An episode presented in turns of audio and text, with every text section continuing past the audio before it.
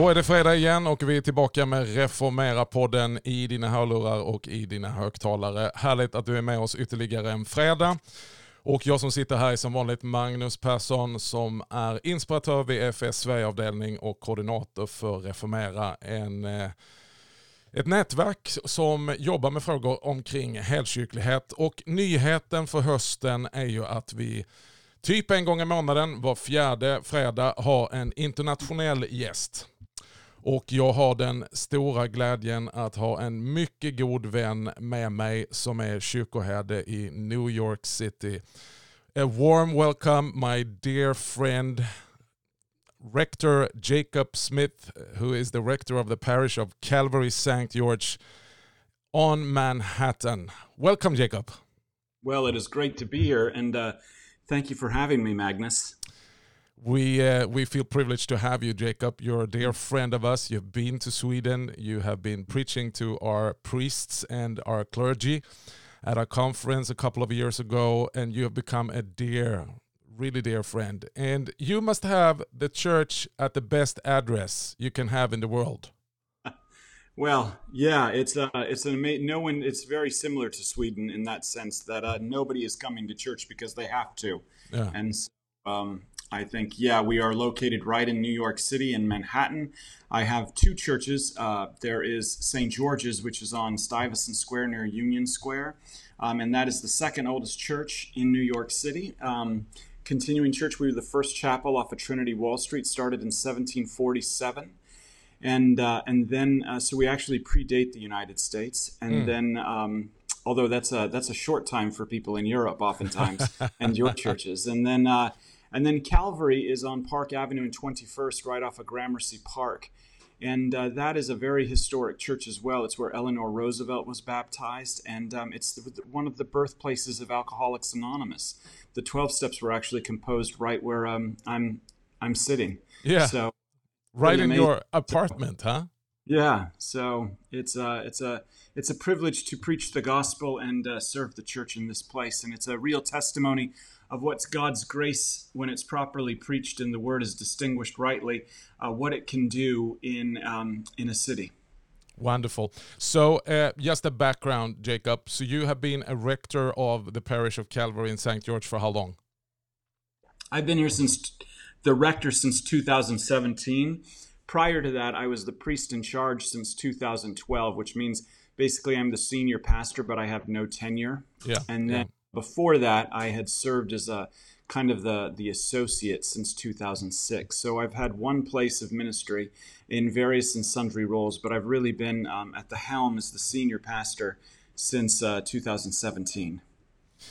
And it's amazing. Uh, we found through a fellow friend we have, me and my wife Gunilla showed up um, a Sunday many years ago on on a on a on a worship service uh, you had, and we kept coming back, and and and uh, that's history. You know, it's it's wonderful to worship together with you. You have really built something unique there. Tell tell us a little bit about uh, the Episcopalian Church of America has very much in common with the Swedish Evangelical Church, the Swedish Evangelical Lutheran Church. If you're going to give an explanation to our listeners, what is the Episcopalian Church of America? It's an Anglican American version. So uh, basically, when um, when the well when England spread all over the world, but they came to the United States, they came with uh, their chaplains and missionaries and established uh, Church of England churches. And after the Revolutionary War, um, well, that wasn't uh, very kosher. And since the church and the state are aligned in England um, in many ways, uh, there was a need for a sense of separation. And so, what happened was is that um, there was a, a group of laity within um, within uh, the colonies and then these early states that began to form and do prayer book worship, and eventually.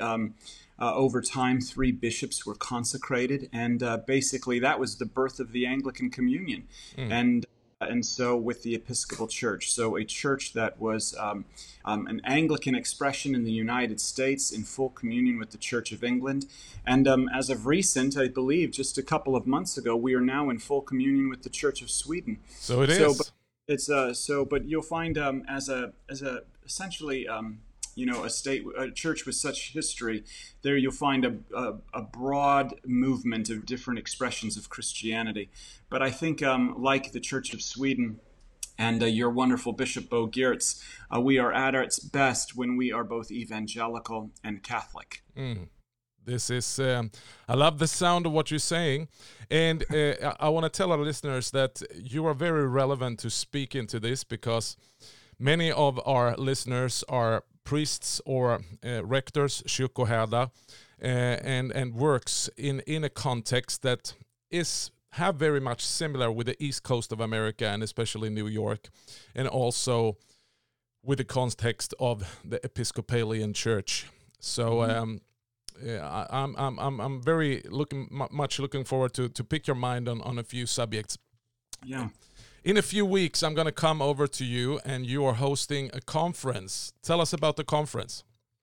Yeah, the conference is hosted by um, a, a magazine in the Episcopal Church called uh, The Living Church, and it is a, a beautiful expression of what um, evangelical Catholicism looks like in the Episcopal Church. And they asked us to host a conference because one of our central themes here at Calvary St. George's is, is preaching. Mm. And we are here in the heart of New York City, and we are preaching to a lot of uh, what you could call deconstructed evangelicals.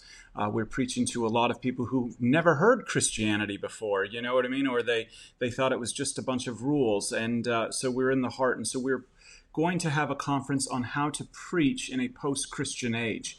So, how to preach um, post Christendom, which is um, in many ways New York, uh, in many ways Sweden. And I think uh, that this is a very, very important conference um, and a conference that isn't going to necessarily call us to some sort of new technique, but is going to call us back to the old, old message. Um, of a man named Jesus who made the claim to be God. Uh, we didn't like him at that at all because mm. We need to be forgiven, so we killed him. And on the third day, God raised him from the dead to vindicate all that he said. And uh, you and I need to deal with that. And that is going to be the. So it's not going to be. Uh, preaching in a post Christian age isn't about, you know, new techniques to be cool and, and relevant and, uh, you know, get make the kids happy, but about bringing the church back to her true story and uh, her first love, which is the gospel of Jesus Christ. And Jacob, you are a preacher's preacher, and um, I'm I'm looking forward to to speak about this. But before that, here's a clip from a couple of Sundays ago, just a short clip where we can hear you preach in a post Christian society in your church. In every other religion of the world, man must seek, find, and appease God. Believe me, you sense it because the law is written on your heart. You sense it because you know something's off. However, the gospel, it uniquely declares God seeks, finds, and saves sinners. Wonderful. Jacob Smith in his pulpit preaching the gospel in New York City. Oh, that was great. Thank you. So let's start to define the the the the, the word post-Christian culture. When um, there's a lot of talk about this, sometimes too much, my mm-hmm. opinion, in, in the church world, and it comes out books, and, and somebody called it, it's a kingdom that is lacking its rightful king. It's a Christian culture without Christ. It's a culture and society that is described spiritual, but not religious. And we could go on and go on. How would you define post Christian? Um, I well, I would define it the exact same way. Um, however, I think there is a there's a there's an interesting caveat there, and that is that um, in a the problem with the post-Christian age is everybody thinks that they know what Christianity is already all about. Mm. So it has been uh, tried, and it didn't work in my life.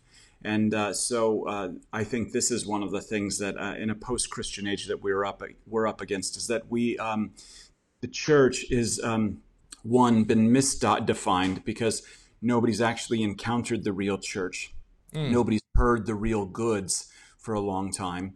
And then I would say uh, the second thing is is that it um, it uh, um, it is defined, the post Christian age um, defines the church by what uh, she is against. Exactly. As opposed to what she is for, mm. and so this is what we are coming up against: is a, a is a society that thinks it knows Christianity already.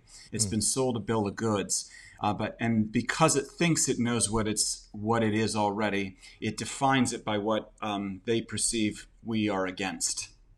Yeah, and, and, they're defined by the fences, as opposed to um, you know uh, the uh, the the vast uh, vast spans of the garden that God has already given us. Exactly, and and the problem when we are going to kind of define post Christianity, and especially from a perspective from the church, uh, it, it, we we very quickly end up in some kind of cultural wars instead right. of reforming and going back and finding out what we have lost as a church. So, for me, the big problem is not a post-Christian society. In fact, I usually say in Sweden, a secular society or secular state is actually good it's nothing that is a threat to us.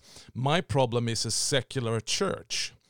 That's yeah, that's absolutely right. And yeah, and, and yeah. the and the secular wave and the secular movement not so much i think starts in the state because a good state is is you know believes in religious freedom in every sort of way but the problem is when the church is starting to be secular from the inside and then out.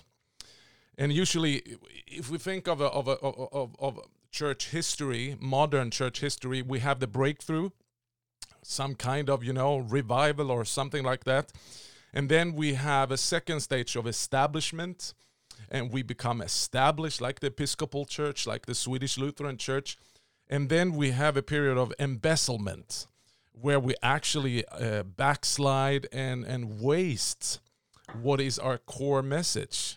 Mm. What do you say about that? Well, I agree, and I really think that that's what this conference um, is going to make this conference about. Actually, very unique. I mean, the theme that we are looking at is we are looking at um, uh, the theme from Acts chapter 2, where they gathered together for the apostles' teaching, the breaking of bread, fellowship, and prayers. And the Lord added to their numbers daily. And I think that that's what um, really um, ministering in a post Christian age is actually calling the church back to the gospel, mm. back to those four things. I believe, uh, you know, anybody can dig a well Anybody can open a soup kitchen, and those are all very important ministries, but there is, it's not the key. Mm. Those should be fruits out of our proclamation.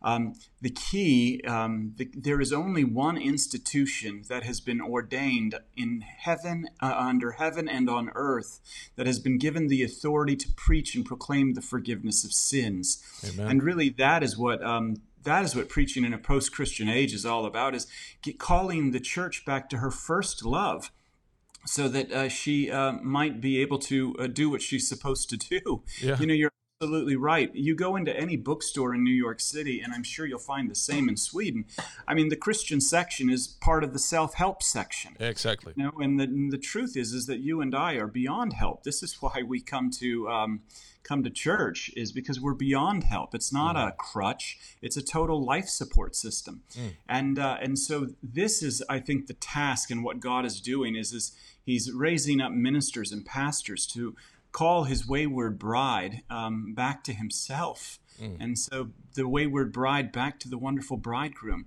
and uh, and so really that's I think what is um, the task for folks like us in a post-Christian age is to call the church because why why would I go to church if it's basically you know just you know be nice you know what I need is I need to encounter a holy God who's forgiven my sins. Yeah, why why go to church if it's just a glorified TED talk of ten yeah. points of how you can save yourself? That's right. Uh, so let's take it back uh, a little bit. So many people, priests, church leaders, can in a, in a, in a tone of panic saying oh what's happening the church is so secular and the church has been so impacted by this post-christian the church is going to die but i'm thinking this is not anything new if we go back to the old testament the people of god was backslidden all the time they they were uh, called and chosen people of God. It was his people and he was their God. And then suddenly they, they was looking at the neighboring nations and say, oh, they have a king. We want to have a king. We want to become like them. And suddenly they worshipped the idols of the neighboring nations and so on. And God sent up prophets and called them back. Mm-hmm.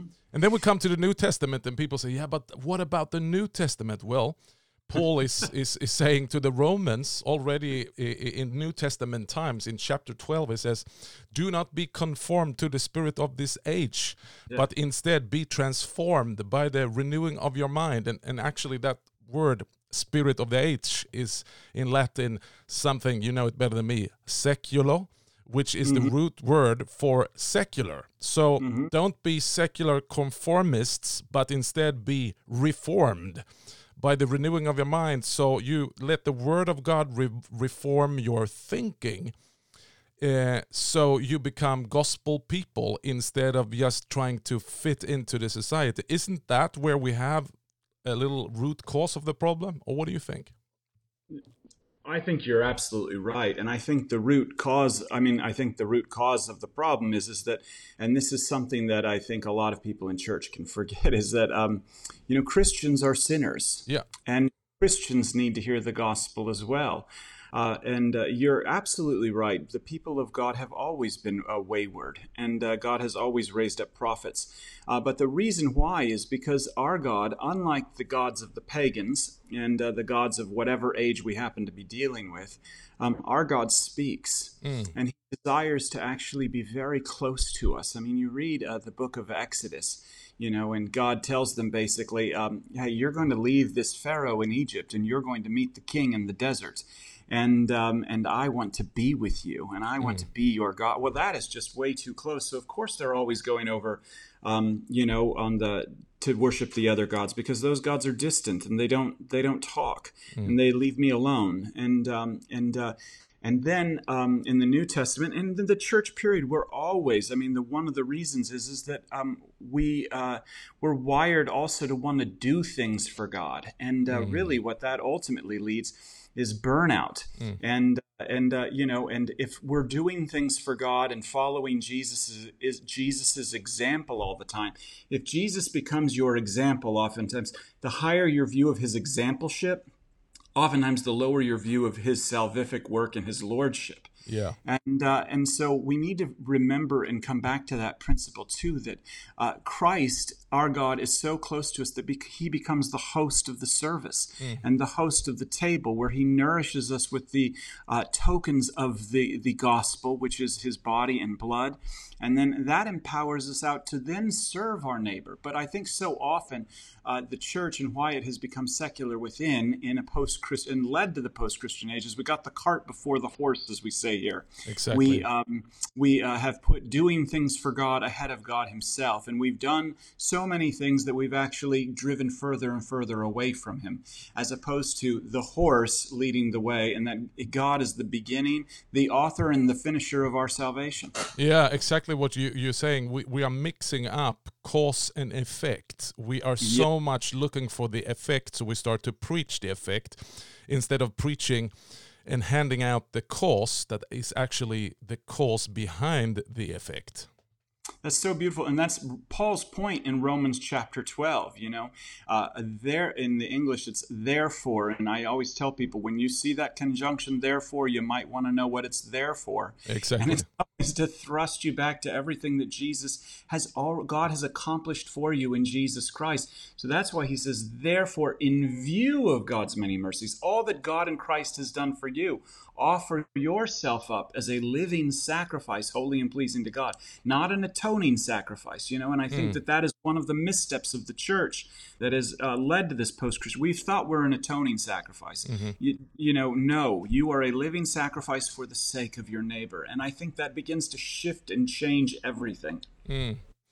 I'm thinking of going back to the Old Testament and thinking of um, how you can hear church leaders and conferences speaking about how to reach a post Christian generation, how to reach the post Christian society. And, and they started to, to, to turn the question and saying, what are they looking for? What do they want? And then I'm thinking of Aaron. Aaron, who worked with Moses, Moses was up in, in, in, in God's presence and God's glory on the mountain. And when the people were down there, they're getting they're getting restless, and they are building this uh, golden calf and starts to worship that as an idol. And when Moses comes down, he asked Aaron, "What have you done?" And it's interesting to read Aaron's answer. I just gave them what they wanted. Mm. And I think we repeat this after thousands of years. We haven't come much further. Priests and church leaders have conference today, and it's how can we as a church provide and give what we think people want. Yes. Yes, absolutely. And that is wrong. Why would you ask the unregenerate person what they think they need from God? Mhm. You know, I mean, uh, this, this, and this goes back actually to your story of the book of Exodus. What is, this should cause us, what was Moses doing up on that mountain? Well, he was uh, fellowshipping with God, but he was also receiving the law. Mm. And um, and I think that this is a fundamental problem in the church and in society is that we believe that the law is some sort of ladder for us to climb. Yeah. Nowhere in Scripture is um, is the law described as a ladder. It is a word that reveals, Mm. and reveal, you shall have no other gods but me. It revealed, gosh, I've got a lot of gods, and whether it's a golden calf or whether it's my uh, my status as living in New York City. I mean, I love to tell people I'm a pastor from New York City, you know, and uh, um, you know, or maybe it's my position at the bank, maybe it's my uh, place as a musician, whatever it is. People have all sorts of idols, and what do idols do? But they alienate us, Mm.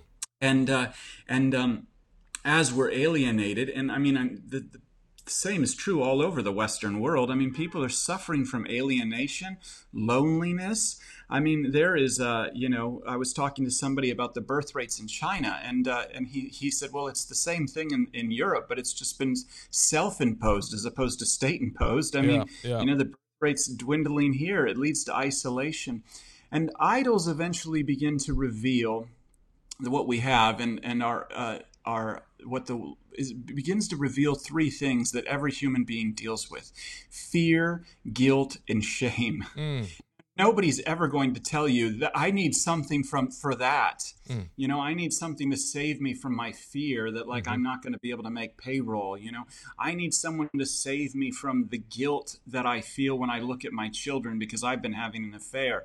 I need to save something to save me from the shame of what happened to me when i was like 19 you know? Now these this this is where our god speaks and this is where God says, I am for you. I have died for that. And behold, in my wounded body on the cross, I'm making all things new. You know, the transgressions that you've caused and the transgressions that have been done to you. This is what the world needs. They will never tell you they need it mm. because we are so busy building golden calves, hoping to hide this pain. Mm-hmm. But if the preacher can get at that and expose that and open those doors up, well, then the fruits of that is love, joy, peace, patience, kindness, gentleness, self-control. I mean, against these things, you know, there's there's nothing that can be compared to it. But nobody knows that on their own. I mean, hmm. you ask my ask my 13-year-old son what he wants for dinner. He'll tell you Oreos and pizza every night. he needs a word from outside himself. You know what I mean? And you need to eat some carrots today and maybe a little broccoli. and so, but uh, that's uh, that's kind of my thoughts on what what does the world who they're not going to we know what they need because because we're human beings too. So, so it's beautiful, Jacob. You you stir my heart with the beautiful, sweet sound of the gospel, and and we need to hear it because even though both you and I are preachers, and many times a week we preach the gospel well, next morning I wake up as a heathen and I need to remind myself of the gospel. Mm, I absolutely. I've been I've been refreshing my mind daily with this current mantra um, that I am a human being, not a human doing, and um, I need to I need to be, and I need to remind myself that I am not God. Uh, there's only one. I have it written in my prayer book. There's only one Savior of the universe, and you are not it. Come on, come on. So it's true. And so, so what do they need? Well, what do I need? you know, I need deliverance. I need salvation. I need the freedom that comes with the gospel as well. Preach it. Okay, so Jacob, uh, what would your words of advice and comfort be to the Swedish crowd that is now listening to you? There will be priests that have their weekly struggle, sometimes are ready to give up and say, Is there any hope for the Church of Christ in Sweden? Uh, is the gospel really relevant? Maybe they open their ears and turning their faces towards different voices saying, hey, you need to be much more focused on the social gospel or you need to be more political correct, forget about this old religion stuff. What would you say to them? I would, um, I would say one, uh, you're not unique. Mm. You know, the, the situation that uh, you are going through uh, is not unique. Um, and so every minister of the gospel goes through this. Every minister of the gospel wakes up and uh, finds themselves very tired. And uh, that is one of those things that I think we need to go back and we need to remember that we should take our time off. We should take our Sabbaths. We should find time to rest and connect with this God who longs to be with us that's one that's one piece of advice I would give. Yep. Two, I would say that um, uh, you know everybody um, thinks they know the gospel and will say, "Well, that's wonderful, but you should maybe talk about some something else." Let that dog hunt. Mm. Uh, you know, and I know that that is the word of healing, and that creates the fruit of service for the neighbor that everyone's longing for. And um, and the third thing I would say is um, uh, just yeah remember that you yourself are a human being not a human doing and as luther once so powerfully said when he was talking about preaching the gospel with philip melanchthon he said you know philip and i uh, we um, we uh, we preached the word and then we drank some beer, and uh, I think that that's a, a, really good word because you remember, uh, you and I are not called to be successful. Mm. we're not called to be, uh, you know, um, mega church pastors or whatever it may be. You and I are called to simply be faithful, uh, preach the word, the forgiveness of sins, and then sit down and have a beer. Mm. I think is... it's buy your priest a beer soon. So that that that is a wonderful word of comfort, Jacob. So we are so much looking forward to be with you at the Preaching in a Post-Christian Age conference in New York. And I love the outline when I read what kind of topics are going to be covered. Uh, because in my former um, circles, uh, I've been to many conferences like this, and, and I love the, the, the topics. What is apostolic preaching? Mm. Preaching that builds community, building mm. your sermon series, and, and that's for Advent and Lent. Mm. And uh, preaching uh, as devotion for mission, preaching as a sacramental act, and so on and so on. Mm. So, mm. what is your prayer for the conference? Oh, that is a that is a wonderful question. Um, my prayer for the conference is that um, those who are called to come will come, and those who come will be refreshed by the good news and empowered uh, to step into their pulpits and share the gospel again, renew the church. Uh, from the ins, like Christ does with all of us, from the inside out, not the outside in, mm. you know, but from the inside out, uh, so that she might speak afresh. All these ministers, you know, united around the gospel, might speak afresh the good news uh, of um, God's salvation to a dying world that needs to hear it. I mean, that they would be almost empowered. I love St. Paul's illustration. We are ambassadors for Jesus Christ. Amen. Ambassadors never go with their own message. Mm-hmm. You know, ambassadors never go and deliver, hey, to, to, to the foreign government, what would you like us to do? no, an ambassador delivers the message of a king. Yeah. And that is what we are called to do. And the message of the king is the war between you and God is officially over. You lost. And as a result, you receive all the benefits of his mercy, his grace, and his love. And he declares you his son. That's wonderful. And dear preacher, the gospel is not just a message through you to others, the gospel is a message for you. So Amen. enjoy that. And I love the slogan you have on your church. I, I think I posted it so many times on Instagram. enjoy your forgiveness. Yes. That that that is your tagline on everything. Yeah. Unpack that. Why why did you choose that? It's obvious, but Well, uh, the story goes about uh, me and a parishioner, and he was uh, what we would call in the in the U.S. a good old boy. He was from uh, you know the South, has a very heavy accent, and we were talking. And I asked him, I just said, you know, well, why do you come to our church? And he was like, man, I just love this place. I hear the gospel every Sunday, and I just sit back and enjoy my forgiveness. And I was like, that is amazing.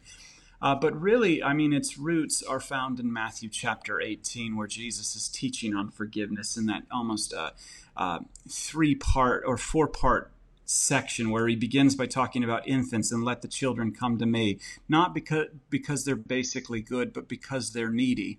And then he begins to move into the parable of the one lost sheep. Which one of you having 99 would go after the one? Not a single one of them. Mm. but this god is uh, has a seek and save the lost campaign to forgive this sheep and bring it back. And then he moves into this section which is often taught as the three step plan to kick someone out of the church. You know go to them in person bring another person and then bring them to the church. And if um, you don't come to think treat them as a tax collector and a gentile you know and so to throw them out. And um, but that's not what he's talking about. These are the steps for reconciling this sheep back to the fold. So, one, God wants us to enjoy our forgiveness with Him. Then He wants us to enjoy our forgiveness with each other.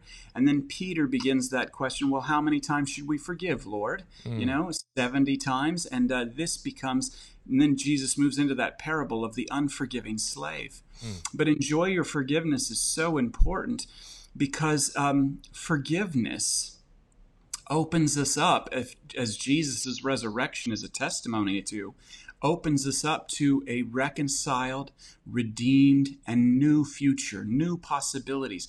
Forgiveness sets us free from the burdens of bitterness and holding grudges. Um, forgiveness really is um, the open door to uh, a new future, not only with God, but with uh, your neighbor.